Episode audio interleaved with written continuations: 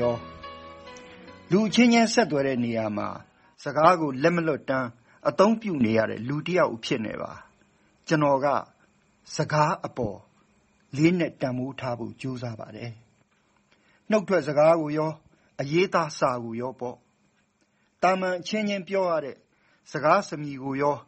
ရည်ရွယ်ချက်တစ်ခုခုနဲ့ တရားဝင် ပြောရရေးရတဲ့ စကားနဲ့စာကူပါပေါ့ ခုနောက်ပိုင်း သတိထားမိတာက ကျွန်တော်တို့စီမှာယာဇကိုင်းဓမ္မကိုင်းသင့်မှာ စိုးရတဲ့ အထူးသဖြင့်ယာဇကိုင်းမသင့်မှုအထူးဂယုစိုက်ကြရတဲ့ ကာလရှည်ကြာကနေ လွတ်လာတဲ့နောက်ပိုင်း လူတွေရဲ့ စကားပြောပုံတွေ အတော်ပြောင်းသွားတာပါပဲ အတော်လွတ်သွားကြတယ်လို့လဲပြောလို့ရမလားပဲ ပြောခွင့်ဆိုခွင့်တွေ လွတ်လပ်သွားတဲ့အချိန်နဲ့နိပညာပိုင်းအရာ အင်တာနက်အွန်လိုင်း သုံးနိုင်လာကြတဲ့အချိန် လူမှုကွန်ရက်ပေါ် မိုဘိုင်းတယ်လီဖုန်း ကိုင်နိုင်သူတွေ တက်လာနိုင်တဲ့အချိန်မှာ အဲ့ဒီလူမှုကွန်ရက်ပေါ် ပွားစည်းလာတဲ့ အုံနဲ့ကျင်းတဲ့ စကားတွေကလည်း အပါအဝင်ပေါ့ နွန်နှွင်းကနေယုံထွက်စ အစွမ်းကုန် ညီညီညွတ်ညွတ် အလုံနဲ့ယုံရရမယ်အချိန်မှာ တရားလက်လွတ် စကားတွေဟာလဲကျွန်တော်တို့ကို နောက်ပြန်ဆွဲထားတဲ့ အဖြစ်အမှောက်နေလို့ ကျွန်တော် ယုံကြည်မိပါတယ် မှန်သော ကောင်းသောစကားတွေကို အကျိုးရှိရာရှိကြောင်း ယဉ်ကျေးစွာပြောဖို့ ကျွန်တော်ဟာ ကိုကိုကိုလည်းတတိထားပြီးတတိပေးရပါတယ် မမှန်တဲ့စကား ပြိမ်ပြင်းတဲ့စကား ရိုင်းဆိုင်ကြမ်းတမ်းတဲ့စကား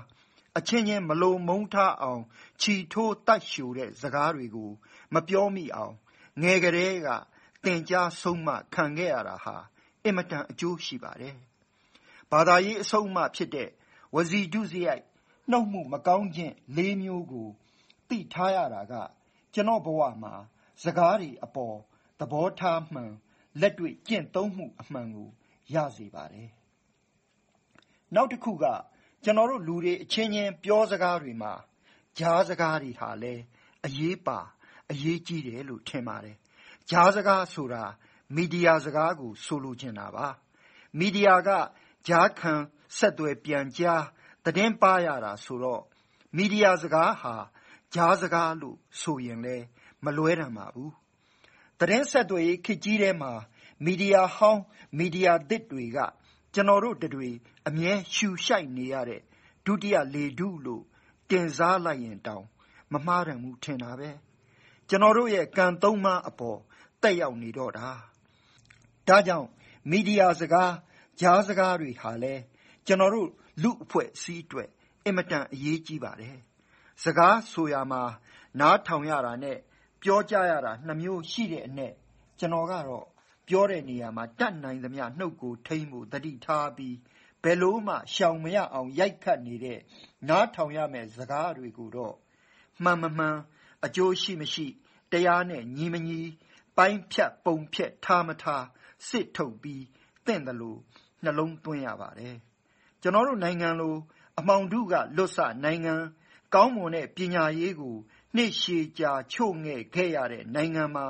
မီဒီယာတက်မြောက်မှုကိုလည်း ကလေးတွေရဲ့ ပညာရေးမှာတင့်တယ်လို့ထည့်ပေးထားသင့်ပြီလို့ ကျွန်တော်ကတော့ ယုံကြည်မိပါတယ်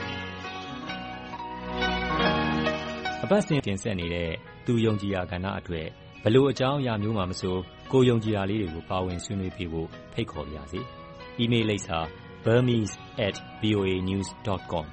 b u r m e s e @ v o a n e w s .com ကိုစာရေးပြီးဆက်သွယ်ရမယ့်တယ်လီဖုန်းနံပါတ်ကိုအကြောင်းကြားလိုက်ပါခင်ဗျာကျွန်တော်ပြန်ဆက်သွယ်ပါမယ်